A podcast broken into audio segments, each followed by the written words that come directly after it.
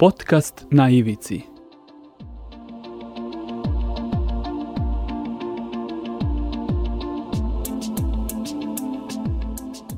Na ivici.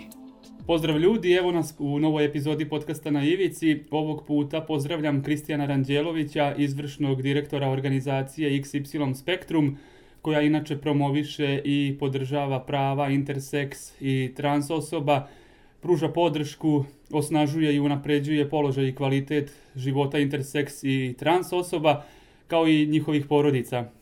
Pozdrav Kristijane i hvala ti što si odvojio vreme za gostovanje u podcastu na Ivici. Hvala puno Miroslave na pozivu i hvala puno što se priča o ovoj temi.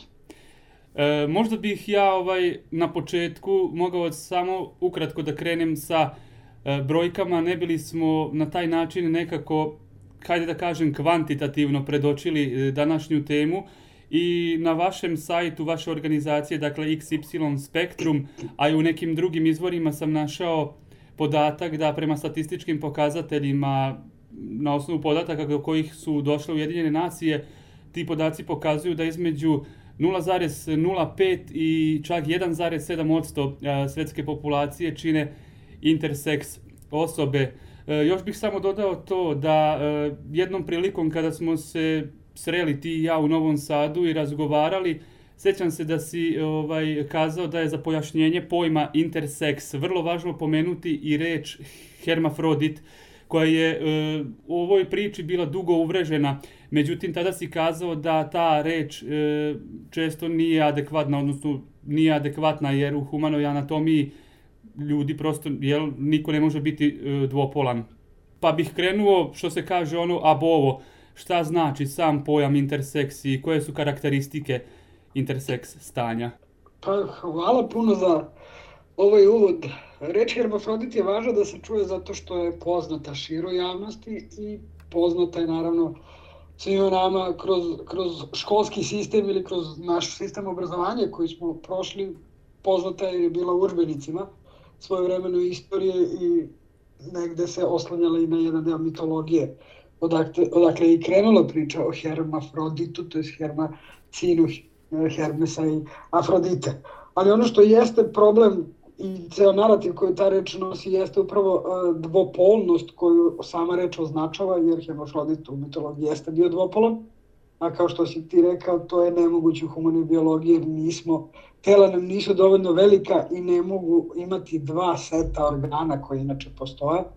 Reproduktivnih organa ne, mogu imati, ne možemo imati oba razvijena, tako da ni jedna osoba još uvek, možda će evolucija nešto promeniti, ne može prosto biti dvopolna. Da bi razumeli pojam interseks ili međupolnost koji mi pokušavamo nekako da vedemo kao nov termin, jeste da su osobe i mogu biti rođene sa nedovoljno razvijenim, potpuno nerazvijenim ili delimično razvijenim e, genitalnim setovima, hromozomima ili hormonima. To znači da osoba može imati delove, bukvalno različite delove seta muškog i ženskog genitalnog seta s polja, jednu, jednu kategoriju, organa unutrašnje, drugu potpuno može da se rodi bez a, reproduktivnih organa ili, kažem, može imati setove a, hromozomske ili hormonske drugačije od očekivanih. Tako da, komplikovano jeste, ali nije toliko komplikovano da ne možemo da pričamo o temi. Jako je važno da se napomene mada mnoge interseks međupolne osobe ne vole tu reč diagnoza, da postoji za sada zvaničnih 40 dve, zvaniče 42 dijagnoze koja interseks stanja, kako mi to volimo da opišemo, praktično opisuju u medicini i eventualno imamo određenu kategoriju tretmana za neke od tih dijagnoza. Tako da je jako važno da se razume e, da su međupolne, to interseks osobe rođene sa nekim od varijeteta koje medicina prepoznaje i u nekim zemljama ovaj, prosto tretira u nekim drugim zemljama na različite načine, ali prosto postoji i tretman za određenu dijagnozu sa kojom je osoba rođena. E, upravo i na vašoj web stranici, dakle e, XY Spektrum, e, je i dostupno između ostalih i polje o, kako si pomenuo, diagnozama, gde se onda navodi da postoji evo kako si rekao, 42 te dijagnoze, odnosno stanja, dosta detaljno, ja sam baš gledao stranicu, dosta detaljno opisuje se desetak interseks dijagnoza. Da li su, onda možemo reći da su to nekako najčešća stanja tih deset kojim, koje, koje ste opisali i da li možemo govoriti o nekim univerzalnim obrascima e, života i prosto stanja? Pa, nažalost, ne možemo staviti nešto u obrazac zato što je upravo 40 različitih varijeteta, 40 preko 40, ali uzmemo, uzmemo tih 10 kao najučestalijih, prosto su različiti načini kako se manifestuju, pa samim tim i tretman koji može da se dobije. E, najčešći tretman koji interseks međupolne osobe dobije jeste hiruška intervencija koja nije ni preporučljiva ni dobra, zato što se najčešće ne sve i ne svugde stavlja u kozmetički, prosto iz kategorije kozmetičkih tretmana je da bi se dobila takozvana normalizacija ili da bi se genitalni set približio muškom ili ženskom. Naravno, to nije u kategoriji slobodne volje lekara kako će da izvede ili da li će da ga izvede s jedne strane, a s druge strane postoji čitav set e, testova, analize koje moraju da se izvrše da bi se dobila kompe, kompletna slika na kom nivou je varijetet, taj varijetet šta podrazumeva i da li je tretman neophodan po rođenju ili u najranijem detinstvu ili osoba može, što je naravno nekako i naša želja i ideja, jeste da se prate osobe sve vreme, znači deca da se prate do nekog trenutka, to je najčešće pubertet, kada će se verovatno, i to je opet najučestaliji moment samo telo, ovaj, odlučiti da se razvije u nekom pravcu, pa čak i ako se ne odluči da sama osoba može da izabere svoj put i svoj pravac ako želi uopšte da bira nešto drugačije telo ili neki drugačiji organ. Eto, Kristijane, na, e, nekako e, se sad otvara to pitanje e, problema na koje nailaze interseks osobe. Dakle, praktično ispada da interseks osobe gube tu neku slobodu izbora već praktično pri rođenju, jel tako, ukoliko se njihovi roditelji odluče za te neke operacije, da li kozmetičke prirode ili neke druge, nije to sad pitanje, ali prosto već se tu narušava ta neka sloboda izbora. Da, da, hvala, hvala puno još jednom za, za prosto podvlačenje toga šta znači ošte sloboda izbora, šta znači na kraju kraja biti ne samo interseks osoba, znači ne, ne samo na tom nivou prosto imati sobstveno telo, imati telo svi imamo, tele rođeni smo sa njima, ali imati telo i imati telo kao izbor. Šta znači birati sobstveno telo i koji su koraci da bi sve što je došlo do, do tako nečega i da li smo, još jednom se vraćam, ne samo interseks osobe, to su osobe koje su rođene sa nekim vidljivim hendikepom ili osobe koje imaju, ne volim reći hendikep, ali prosto se koristi, sa nekom vidljivom različitošću ili eventualno osobe čija te različitost manifestuje iz mentalne sfere gde se možda to ne može odmah prepoznati. Znači svako od nas ima pravo da sobstveno telo, telo podrazumeva ne samo telesni deo, nego i glavu kao celinu, da bira svoju telesnu autonomiju i integritet zajedno sa tim. I jeste problem ne samo, kažem, intersek zajednice ili međupolne zajednice kao takve, jeste upravo to da se da je dobar deo odluka na roditeljima, to jest na lekaru koji ima ideju kako da pomogne, i to je vrlo diskutabilno da li je to baš tolika pomoć, možemo da pojasnimo zašto to nije uvek pomoć i zašto to nije uvek dobro za osobu. S jedne strane, s druge strane, tu su roditelji koji su pritisnuti i državom i porodicom i familijom i prosto prijateljima da se dobije informacija da li je beba dečak ili devojčica i da se odatle vrši ta normalizacija, telesna normalizacija. Nije dovoljno imati normalne ili bar prepoznatljive organe, društveno prihvatljive organe, jer ti organi idu i sa nekim osjećajem. Pored tog osjećaja, jako je važno da se razume da postoji deo identiteta koji se gradi na njima i naravno na to sve se nadovezuje ono što može i često se pojavljuje, a to jeste trauma. Da, upravo bih pri tome želeo da se i zadržimo u narednom e, delu ove epizode podcasta na Ivici, pa bih ovaj želeo da prokomentarišeš i to što si pomenuo, dakle da e, to prosto ne mora taj zahvat ne mora uvek da se protumači kao pomoć. Je pretpostavljam da ste radili razna istraživanja i da non stop pratite situaciju i siguran sam da imate podatke o tome kako prosto interseks e, osobe reaguju na saznanje da su interseks, e, da li nakon već urađenog zahvata na koji nisu mogli da utiču, ali i na to ukoliko saznaju u nekom kasnijem svom životnom periodu, dakle u adolescenciji ili čak i kasnije. Pa da, reakcije postoje. Mnogi ljudi nisu dobili informaciju, što je opet jedan veliki absurd da se sakrije nešto tako veliko i tako prisutno. Znači, mnogi ljudi nisu dobili informaciju od roditelja, konkretnu informaciju.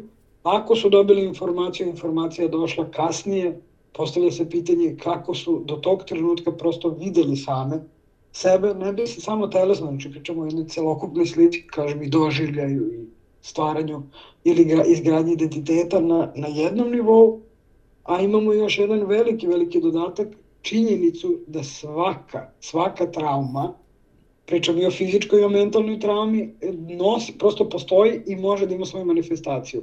Svaka hiruška intervencija za sobom ostavlja trag. Ožiljci se vide na telu, ožiljci ne mogu da porastu, oni mogu da se duže i mogu i vrlo su bolni zato što oni nisu tkivo koje raste kao ostalo tkivo, nije, nije ta kategorija s jedne strane, s druge strane taj bol, pritisak i sam ožiljak kao takav e, pogotovo ma, mladoj, mladoj osobi ili deci može da stvara problem u prosto nekim fizičkim aktivnostima koje drugi vršnjaci rade. Dobar deo mojih prijatelja nikad nije naučio da vozi bicikl, što je jako, recimo, važan deo detinjstva. I tako dalje, znači bicikl je samo jedan od, od, od repera, prosto kako se, kako ožiljak može da ometa deo, deo detinjstva. Da. Pored toga što se ne može izvesti neka radnja, ne smemo da zaboravimo da je dobar deo nas proveo deo detinjstva u bolnici. Pa na nivou fenomena, kad se priča o interseks stanjima, dolazi se dotle da E, lekari ili e, medicinski radnici prosto su ljubopitljivi e, po pitanju te teme, pa se onda osobe izložene i nečemu što se nekad i zaboravi, a, a to je vrlo su izložene medicinskim radnicima na, neku, na nekoj, u, u kategoriji neke provere ili eventualno ako je nekom zanimljivo pa će lekar dovesti drugog kolegu ili koleginicu da pojasni o čemu se radi. Tako da osobe nisu ni u medicinskom sistemu a, izuzete ili da budem jako iskren, mogu biti diskriminisane. Znači, to je isto važ, važan nivo koji, o kome se malo priča.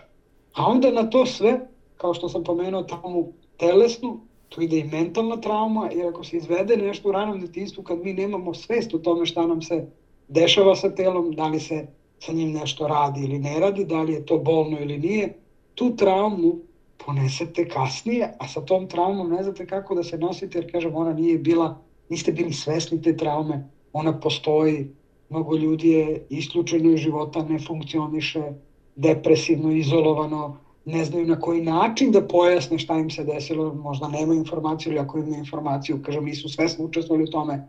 Tako da mnogo slojeva postoji koje, su, koje se otvaraju praktično sa nekim neželjenim hiruškim intervencijama. Nisu sve hiruške intervencije loše, nisu sve loše, neke su vrlo važno za život, za spašavanje određenog, određenih organa za, u smislu protoka urina, sol i tako dalje na metaboličkim nivoima, ali jako važno da razumemo da je većina hiruških, hi, većina hiruških intervencija kozmetičke prirode i nema ono što treba da ima, a to je nema pomoć, to ne ostvaruje se pomoć i osoba, osoba ostaje traumatizovana. Tako da Da, to, to je ključna stvar u, u, celoj ovoj priči zapravo da se, e, kako si više puta smo već i to pomenuli, da se operacije uglavnom izvode iz tih nekih kozmetičkih e, pobuda i tako dalje.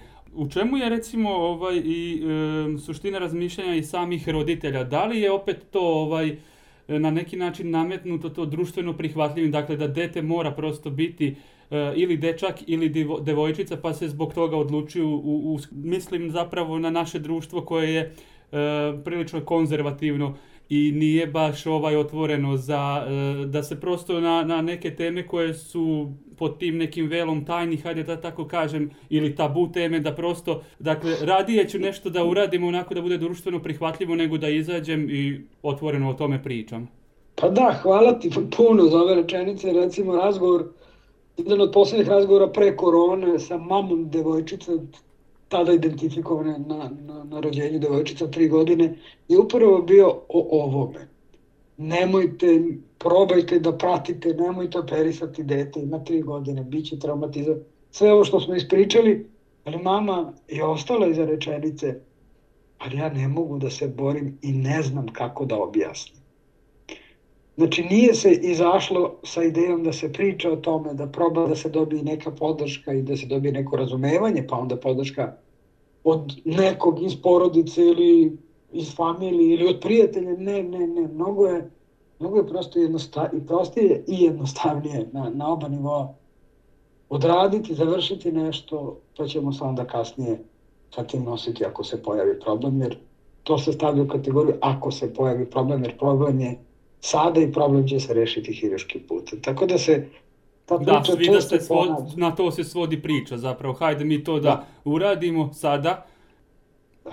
Jasno, a kasnije kada se jave nažalost i traume i kako si pomenuo, ovaj, da li onda e, ljudi prosto traže pomoć i psihologa i koliko je zapravo uh, cela ova oblast i poznata uh, medicinskim radnicima, tu mislim pre svega uh, na psihologe, da li su upućeni u celu ovu priču i da li mogu pomoći interseks osobama koje ponesu traumu? Odlično pitanje. E, nažalost, za sada ne, zato što je tema sama po sebi vrlo ne, nevidljiva, ljudi još manje. E, malo se zna i puno se radi na tome da se ko želi prvo informiše, pa naravno onda edukuje samoj temi, a najvažnije senzibiliše za tu temu nema puno ljudi koji rade za sada, pa mi iz nevladinog sektora radimo na tome da edukujemo, naravno u saradnji sa lekarima koga bi mogli da edukujemo i gde, je, gde postoji interesovanje uh, terapeuta i savjetnika upravo da razumeju, kažem, temu, pa onda sve ostalo tema je slojevita i, i obsežna sama po sebi i naravno koje su to iskustva sa, sa kojim iskustvima ljudi dolaze i na koji način prosto mogu da se obrate. Tako da pitanje odlično nema, nema za sada mnogo, nema, nema uopšte, mislim ima dva, dva, dva terapeuta sa kojima mi direktno radimo, koje smo ne samo informisali, kažem, edukovali, senzibilisali, a nadam se da ćemo uspeti da proširimo taj e, krug i da ćemo u saradnji sa lekarima dobiti mnogo, mnogo veći broj i psihijatara koji bi se konkretno bavili ovom temom i naravno psihologa kao pomažuće profesije. Tako da za sada, za sada radimo na tome svi zajedno. Dakle, još jedna potvrda je da zapravo ovaj, e, sama tema interseks osoba i dalje dosta onako skrajnuta, baš na ivici, eto, ovaj, kako je sam naziv ovog e, podcasta. Sa druge strane, ja bih želeo još da popričam ovaj, o tome i e, da li najlazimo i na, na, neku, na neki način tu moralnu odgovornost i kod medicinskih radnika, kod lekara koji odbijaju prosto da izvrše e, zahvate iz razloga što se to prosto jel, kosi sa nekim moralnim vrednostima.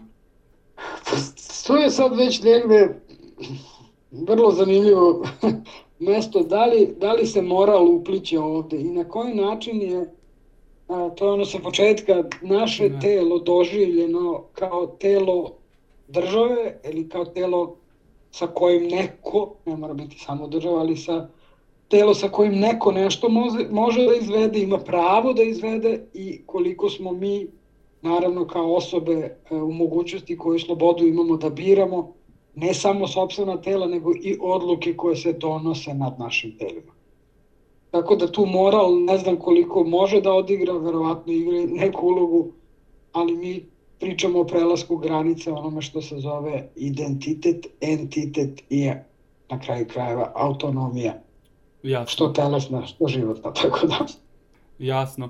Takođe, važno je pomenuti e, zakonodavstvo. Da li uopšte ovaj, e, zakonodavstvo kod nas prepoznaje interseks osobe? Našao sam podatak da recimo da u, u nekim državama, pa konkretno eto u Nemačkoj, e, da je praksa da se pri rođenju deteta je e, moguće dete prijaviti bez toga da se prijavljuje pol. Da li je to e, primer dobre prakse i da li bismo mogli eventualno na taj način početi da razmišljamo i slagati e, zakonodavstvo naše koje se tiče ove oblasti? E, pa da budemo realni, da. Um, Nemačka je napravila presedan pre, sad već ima mislim dve godine, sa tom idejom da se uvede um, treći, takozvani treći pol. Čini mi se u januaru 2019. da je to bilo da, da, sam... O, da, dve godine, evo da, da prošlo da, već dve. Je. Ono što Intersek zajednica nije e, ne samo odobrila, nego čime se nije prosto zadovoljila kao idejom, jeste to imenovanje trećeg pola, zato što realno treći pol ne postoji. Interseks osobe nisu osobe trećeg pola, prosto su varijetet onoga što postoji u prirodi i ono što biologija daje. Znači ne postoji kao takav treći pol. Tako da to, to mesto treći, treći pol kao značitelj nije prosto dobro i nekako, kažem, sama interseks zajednica ne u Nemačkoj, nego, nego širom sveta i Evrope prvenstveno pa i ostatka sveta nije zadovoljna idejom treći. Znači sloboda koju bi mogli i realno ne bi, ne bi bio problem da se uvede jeste drugo ili ostalo, kako god se to prevodilo na srpski jezik. Znači jedna kategorija gde svako ima pravo na samo određenje, što ne znači da interseks osoba ili međupolna osoba mora imati to određenje, znači to nije, nije obavezno. Tako da roditelji imaju mogućnost da postoji jedno otvoreno mesto da se ako dete, to je kasnije već uh, i odrasla, interseks ili međupolna osoba odluči, može da tebi stavi kategoriju muškaraca, žena ili da ostane u toj takozvanoj drugoj kategoriji, to je trećoj po redu, ali drugoj kategoriji. Zašto je važno da postoji sloboda i na tom mestu? Zato što postoji jedna statistika istraživanja rađena da interseks međupolne osobe realno se većina nas se ne određuje dalje od binarne podele. Znači, većina nas se identifikuje kao muškarac ili kao žena. Znači, nije, e, ne određuju se svi nebinarno ili non-conforming i tako dalje. Znači, nije, nisu to nove kategorije koje smo mi sad izmislili, pa će osoba da se, zato što ima neku, neki varijete, da se odredi kao neko, nešto između. Pa ne mora da znači, znači svako ima pravo i mogućnost da prosto vidi sebe, sagleda sebe i bira sebe. Sad, da li će se osoba odlučiti da svoje genitalije kakve god da su, postojeće, formirane, neformirane, delimično formirane, modifikuje i da funkcioniše na određeni način ili bukvalno da ostane tako kako sebe vidi i da funkcioniše sa takvim genitalnim setom, to je jako važno da damo slobodu. Da ne biramo ni za koga i da taj izbor koji treba ne mora da postoji. Znači ne mora niko da, da bira ništa, svako ima, ima mogućnost da bira sebe. Znači, da. mislim, ne mora ništa izvan, to je negde najbitnije. Da. Osim toga što je, kako je i sama uh, organizacija XY Spektrum, dakle, uh, promoviše i podržava prava interseks osoba, uh, takođe je uh, uh, jasno navedeno da podržavate i promovišete prava trans osoba i treba zapravo napomenuti da je između interseks osoba i trans osoba velika razlika. Jeste. To se negde u poslednjih par godina e, meša kao pojam. Ne mešaju se pojmovi, to ne mešaju se termini, ali meša se ono što e, praktično su označitelji i jedne i druge grupe. E, međupolne osobe, interseks osobe su rođene sa nekim od varijeteta. Rekli smo na kojim nivoima ti varijeteti mogu biti i vrlo uslovljene najčešće hiruškom intervencijom u najranijem detinjstvu. Trans osobe su biološki muškarci ili žene, to je dečaci ili devojčice, rođene sa e, vrlo određenim i vrlo e, konkretnim genitalnim setom, ali zbog disforije, pa onda koja stvara i distres, prosto ne mogu sa onim što je unutra, to je identitet, to je način, doži, način kako se osoba vidi i doživljava, žele da promene svoj genitalni set, da približe tom unutrašnjem osjećaju. Taj unutrašnji osjećaj je jako važan, jer je on veliki i on postoji, svako od nas je prošao fazu identiteta, naravno identiteti traju do, za, za, za celog života, da ne kažem tokom celog života određene identitete pravimo, ali da budemo realni, onaj bitni polni identitet, identitet sa kojim će naše genitalije funkcionisati, jeste jako važan i trans osobe u određenom trenutku prosto biraju da modifikuju svoje telo do tog svog unutrašnjeg osjećaja da bi mogli da žive u skladu sa njim. Tako da, da postoji jako, jako velika razlika. I sećam se, Kristijane, još bih jednom pomenuo taj naš susret u Novom Sadu pre izvesnog vremena, kada smo isto razgovarali, pa e, se sećam da e, si rekao da zapravo interseks osobe, pojedine interseks osobe čak ni ne vole e, tu korelaciju i spajanje interseks osoba sa LGBT populacijom. Ovaj, zbog čega?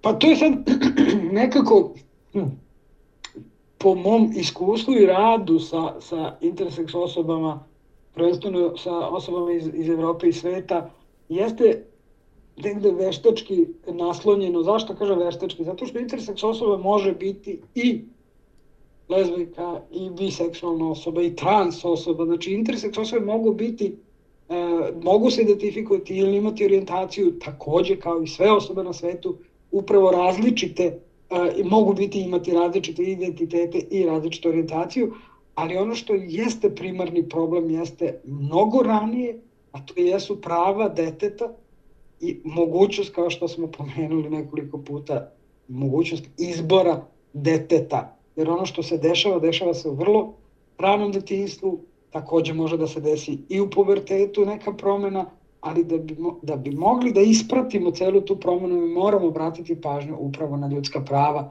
i na nešto što je svima nama dato, a jeste sloboda da biramo nas same kao takve.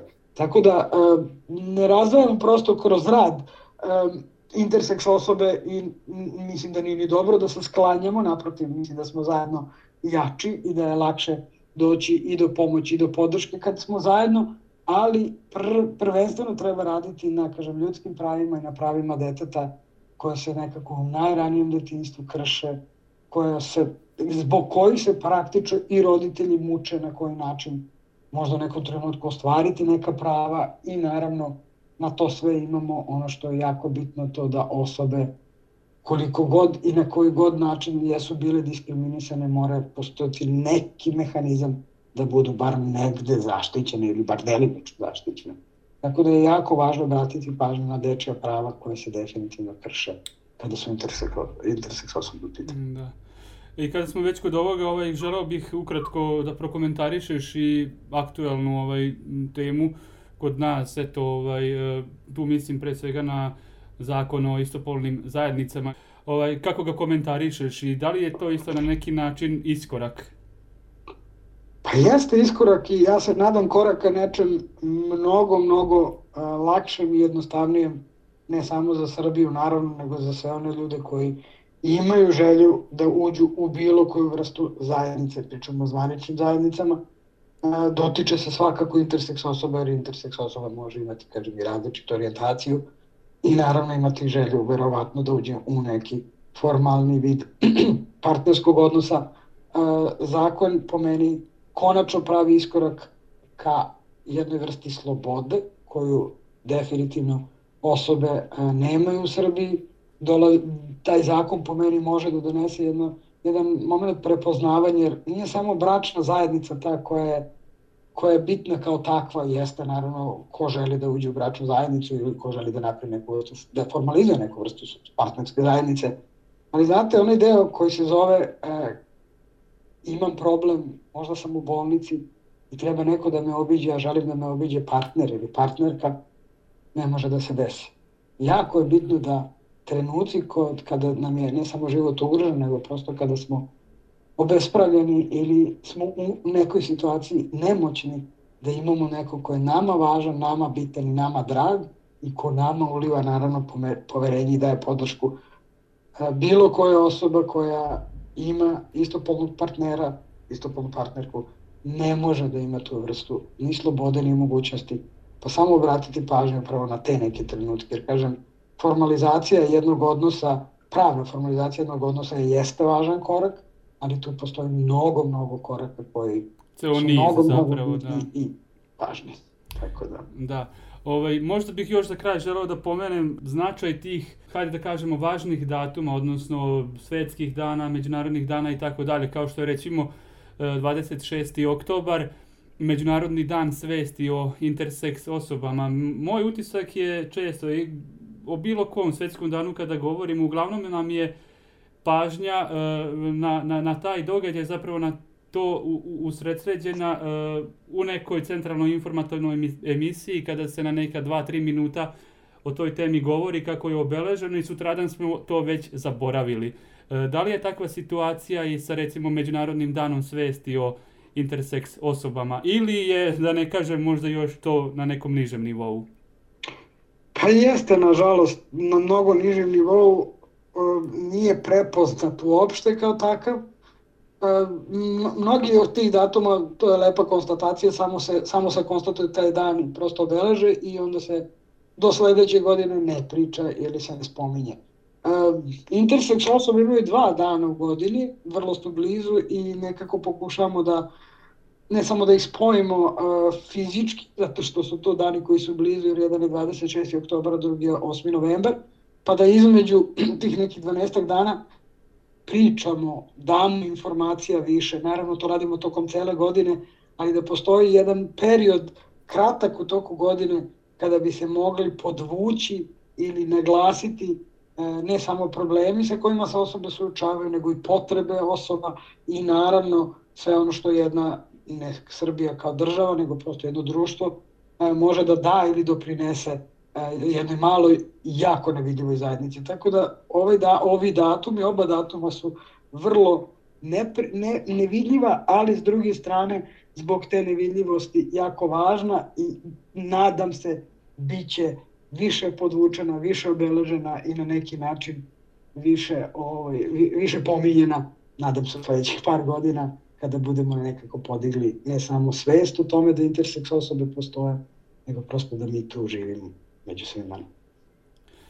E, Kristijane, ja se nadam da će ovaj, eto i ova epizoda podcasta na Ivici koja se emituje koji se emituje na portalu storyteller.rs biti pa neka kaplica u moru pa da na neki način i ovim razgovorom podignemo svest e, široke javnosti na malo viši nivo i kada se radi o interseks osobama. Hvala ti što si odvojio uh, vreme i što si bio gost podcasta na Ivici i svako dobro ti želim.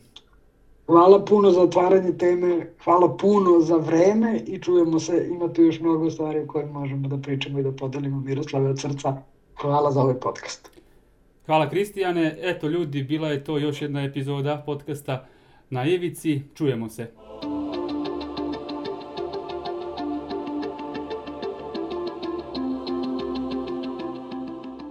Podcast na ivici.